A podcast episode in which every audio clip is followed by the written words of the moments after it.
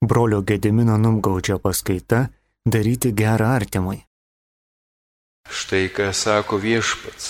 Dalykis su alkstančiu duona. Priglobt pastogės neturinti vargšą. Aprenk pamatęs ką nuoga ir nenusigręžk nuo savo tautiečio. Tada tartum ryto žara užtekės tavoji šviesa. Tu pradėsi greitai sveikėti tavo teisybė žengs tau iš priekio, o viešpaties garbė palydės iš paskos. Nu kaip, ar reik kam nors tos šviesos, ką užtekėtų tą šviesą? Ar norit pradėti sveikėti? Ar norit, kad teisybė žengtų iš priekio, o viešpaties garbė jūs lydėtų iš paskos? Ar norit, kad kreipsitės, tai viešpats jums atsilieptų, kai šauksitės, jis tars aš čia? Norit? A girdėjot, kur reik daryti, kad viskas tas atsitiktų jūsų gyvenime. Reik dalytais su alkstančiu duona, priglaust, priglobt pastogis neturinti vargšą, aprengt pamačius ką nuogą ir nenusigręžti nuo savo tautiečio. Labai paprasta. Įmanoma, įmanoma. Nereik didelių bažnyčių pastatyti, nereikia šventą žemę pieškom eiti čia pat viskas. Ir svarbiausia, kad viešpats atsilieptų. Aš čia. Toks, va, tada tartum ryto žara užtekės tavo išviesa. Ir Jėzus mums kalba, jūs esat pasaulio šviesa. Ir kada jūs esat ta pasaulio šviesa, kaip jūs esat ta pasaulio šviesa, jau Izaijas kalbėjo apie tai. Kai mes atsiveriam viens kitam, kai mes dalyjamės Dievo dovanomis, mes atsiveriam Dievo meiliai. Mes atveriam kitą žmogų meiliai. Dažnai mes esame užsidarę ir nepriimam tos Dievo meilės, kadangi patys savęs nekenčiam, nemylim, negerbiam ir save baudžiam, laikydami save nevertais tos Dievo meilės. Ir liekam skurde, O Jėzus liūdėja mums, kad Jis mus myli tokius, kokie esame, atleidžia mums mūsų kaltes, nenori jų atsiminti, savo krauju mus nuplovė nuo visų mūsų mirties darbų, nuo visų mūsų gėdų ir myli mus ir laimina ir trokšta mums teikti savo malonę. Jis yra ta šviesa, jis yra ta meilė, įsikūnijusi meilė. Ir kai mes atsiveriame Jėzui, Jėzus daro savo darbus, jis daro gerą žmonėms, mūsų rankomis. Kažkodėl šiandien galima dar nustebinti gerais darbais. Va, laikraščiuose pastoviai rašo apie visokias baisybės. Ir žiniasklaida vis gaudo, vis dar sensacija yra visokie blogi darbai, blogi dalykai. Ir man patiko viskups Kauneckas, sako, kad džiaukitės, kad spauda dar apie blogus dalykus rašo, vadinasi, dar tai yra mažuma, dar tai yra, nėra norma, dar tai yra sensacija. Kai nustos apie blogus dalykus rašyti, vadinasi, tai jau taps norma, tai jau viršys gerus darbus, tai jau nieko nebestebins. O kol dar stebint, tai gerai, vadinasi, blogis yra mažuma. O gėris apie jį nieko nerašoma, nes tai yra norma, tai yra įprastas dalykas. Ar jūs sutinkat su vyskupu? Jo, čia viskas aišku yra žodžių žaidimas, galim pajokauti, bet e, iš tikrųjų tos tamsos yra nemažai aplink mus ir kaip psalmiai gėdojom, kad teisusi sušvinta geriesiems kaip šviesa tamsoje. Ir kai mes darome gerus darbus, tai yra tie šviesos bliksniai toje tamsoje. Ir kuo daugiau mes tų gerų darbų padarom, tuo šviesiau aplink mus. Ta šviesa tai yra meilės šviesa. Kai mes leidžiam Dievui mus mylėti per mūsų rankas, leidžiam Dievui gerą daryti kitiems žmonėms, va kai tu pasidalini su alkstančiu duona, kai priglobi pastogės neturinti vargšą, kai aprengi pamatęs ką šalantį, nuogą, nenusigrėži nuo savo tautiečio, kuriam reikia dėmesio, kuriam reikia pasikalbėti, kuriam reikia išsikalbėti, kai tu paukoji savo laiką tam žmogui, atgrėži savo veidą į jį, atgrėži savo ausis, savo širdį į jį, savo akis, tai kažkaip šviesu pasidaro jūsų tarpe, tas žmogus atsigauna, jis pasijaučia įvertintas, pastebėtas, suprastas ir panašiai. Tai atrodo labai paprasti dėsniai Dievo sukurto pasaulio, bet kažkaip atsitinka, kad mes užtrumpinam tą šviesą, užsispaudžiam kažkokią egoizmo pagauti ir nebesidalinam ir nebeatgrėžiam savo veido broliui sesiai, nusigrėžiam nuo jų, neturim laiko, neturim laiko bendravimui, mus pavagė vieną iš kito, pavagė televizija, pavagė internetas, va ten mes daug laiko praleidžiam, o viens kitam nebeturim paskui to laiko kas liečia vat, ir bažnyčią šiandien. Tokia mintis man kilo. Visi tie santykiai, kurie galioja tarp mūsų, tarp žmonių, jie galioja ir santykiai su Dievu, juk mes sukurti pagal Dievo paveikslą.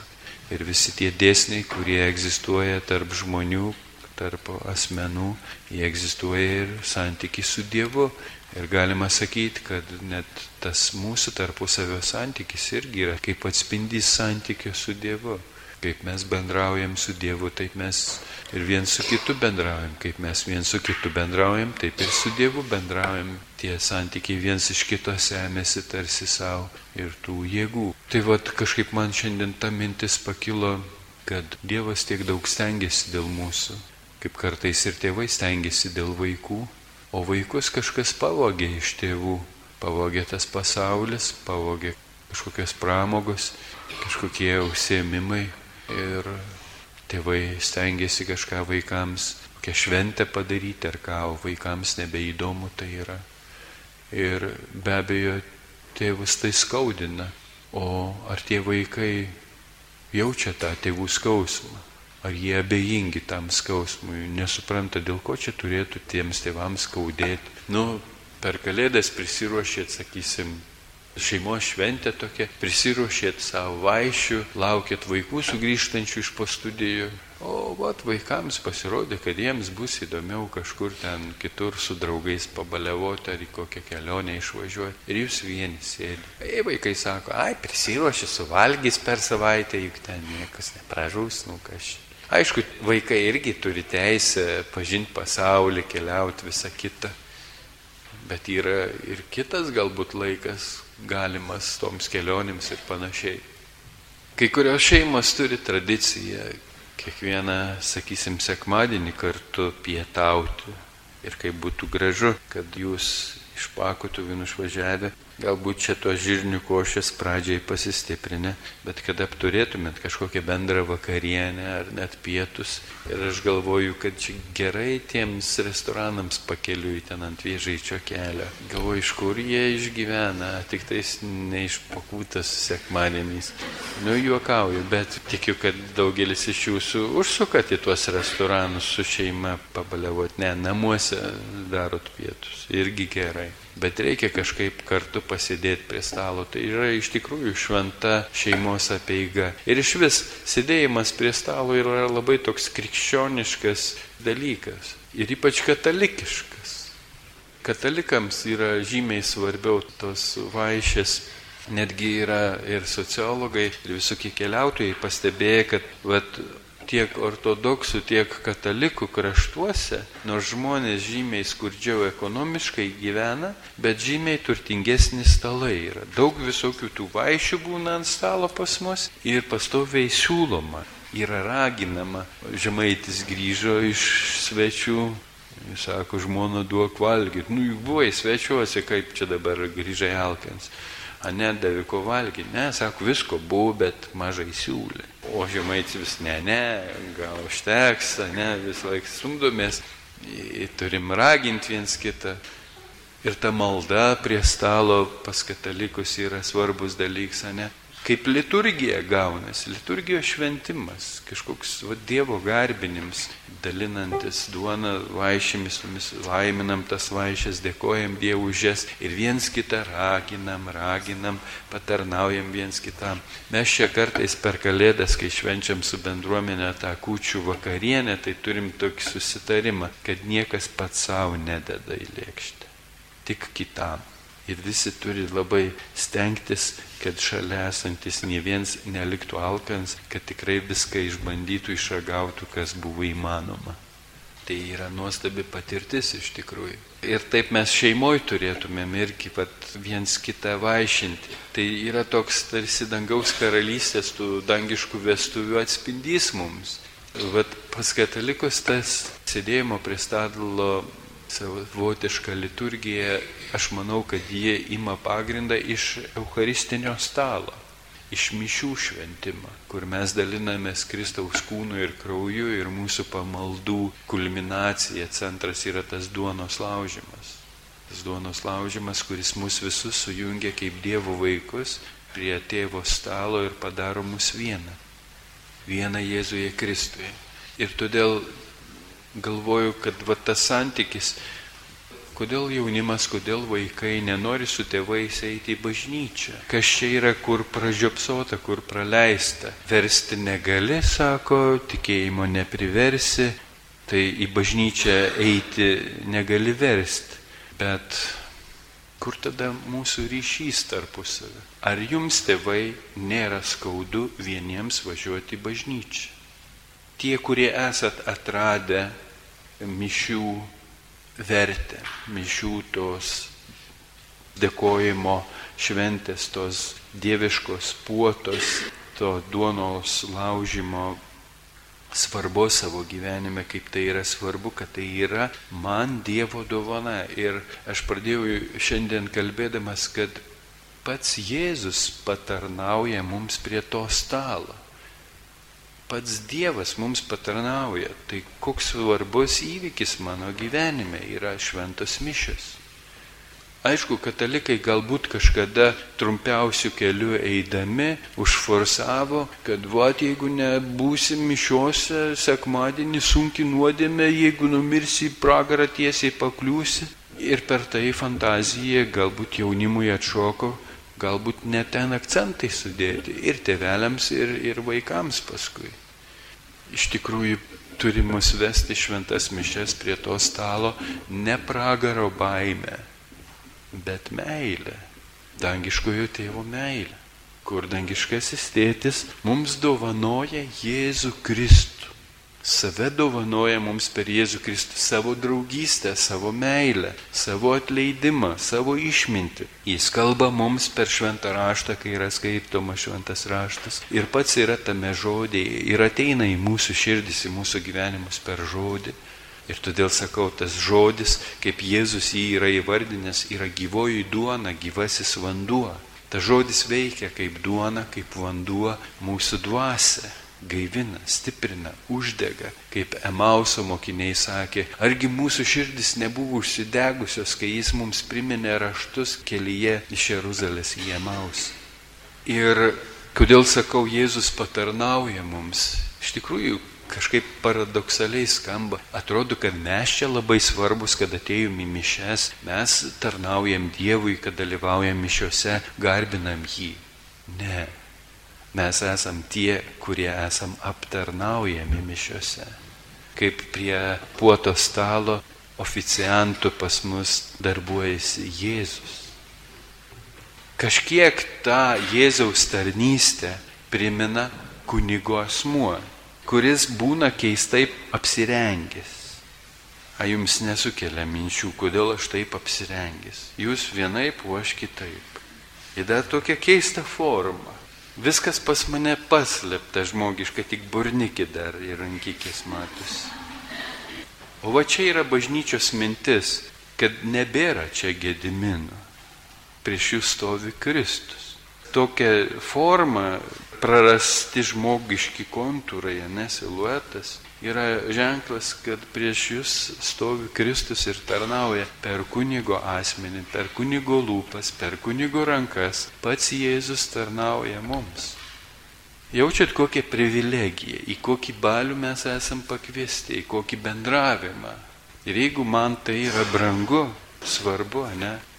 Ar man nebus skaudu, jeigu mano mylimas žmogus to nesupranta ir to neįvertina? ir nesupranta, kodėl aš veržiuosi į tą balių, o jam visai neįdomu tam baliui. Jis nemato nieko tam baliui, ko čia džiaugtis, kam čia vargti, ne? Sako, ko ten važiuoji, tu į tos paktuvins, sako, kokia sekta ten. Aklebonai įsimylėjai, ką? Vyrai pradeda įtarinėti kartais. Naturalu. Bet skaudu tėvams, kai jau tėvai abu du kartu atradė ir važiuoja, kad jų vaikams nėra taip pat brangu ir svarbu tas, kas tėvams svarbu. Kaip tėvams tą perduoti? Gal yra kažkas praleista nuo pat vaikystės. Tėvai labai myli vaikus ir vien vaikais rūpinasi. Jie visą laiką rūpinasi, kaip vaikas jaučiasi. Ir tik vaiko jausmai jam yra svarbus. Ir jie labai pataikauja vaikams ir visiškai neverčia vaikų mąstyti apie tai, o kaip tėveliai jaučiasi vienokioje ar kitokioje situacijoje. Pavyzdžiui, kai jūs tėvai išvykstat į svečius kur nors į giminės ir vaikai su jumis. Ir vat vaikams nusibosta būti tuose svečiuose. Ir ką tada vaikai pradeda daryti? Jie pradeda reikalauti tėvų, kad važiuokim namo, ne? Pradeda zyst ir neduod ramybės. Atėveliai turi teisę pabūti pas savo artimuosius giminės, nors jeigu ir kažkoks filmuks ten per televiziją už pusvalandžio prasidės.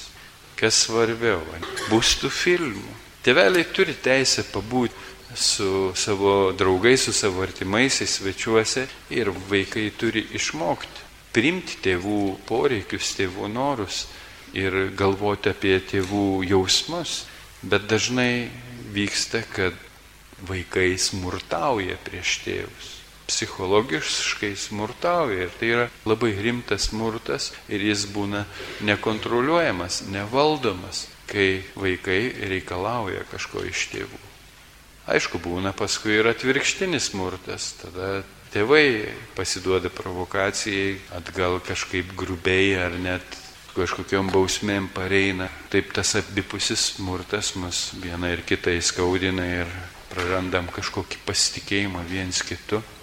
Bet nežinau dėl ko tai yra, bet galbūt dėl to, kad tėvai nekalba su vaikais apie savo jausmus. Kaip jie jaučiasi.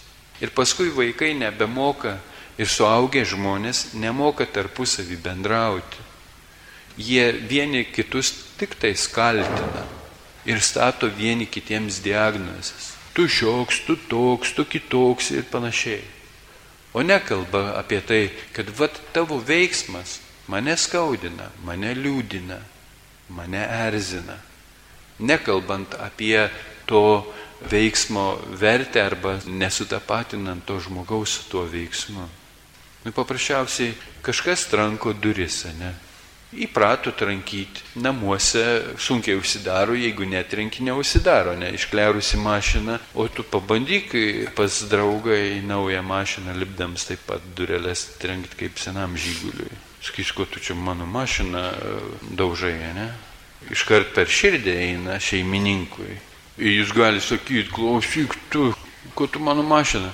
O negalim pasakyti, ei žmogau, atsiprašau, man skaudu, kai tu mano mašiną durelės taip trenki. O, aš sakysiu, atsiprašau, bet jeigu tu mane pavadinsi hamu iškart, tai aš sakysiu, tu pats toks, žinai, pats įvažiuok tu su savo mašina, aš daugiau nenoriu su tavim reikalų turėti. Nu, o ne taip mūsų santykiai išsivarta.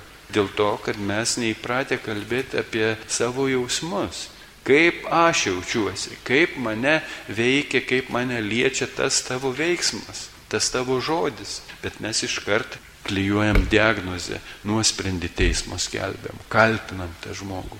Tu šioks, tu toks.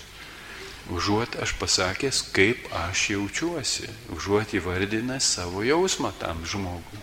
Tai va, bet gal tas turėtų prasidėti nuo vaikystės ir tėvai irgi turėtų kalbėti ir patys domėtis, kaip jų vaikas jaučiasi, bet ir patys kalbėti apie savo jausmą, kaip vaikų poelgis vienoks ar kitoks veiksmas, kaip jis liečia tą žmogų. Kad mane sužeidžia, man skaudu. Tu nori, kad aš tave mylėčiau, tu nenori, kad aš su tavim taip elgčiausi. Kodėl tu su manim taip elgiesi?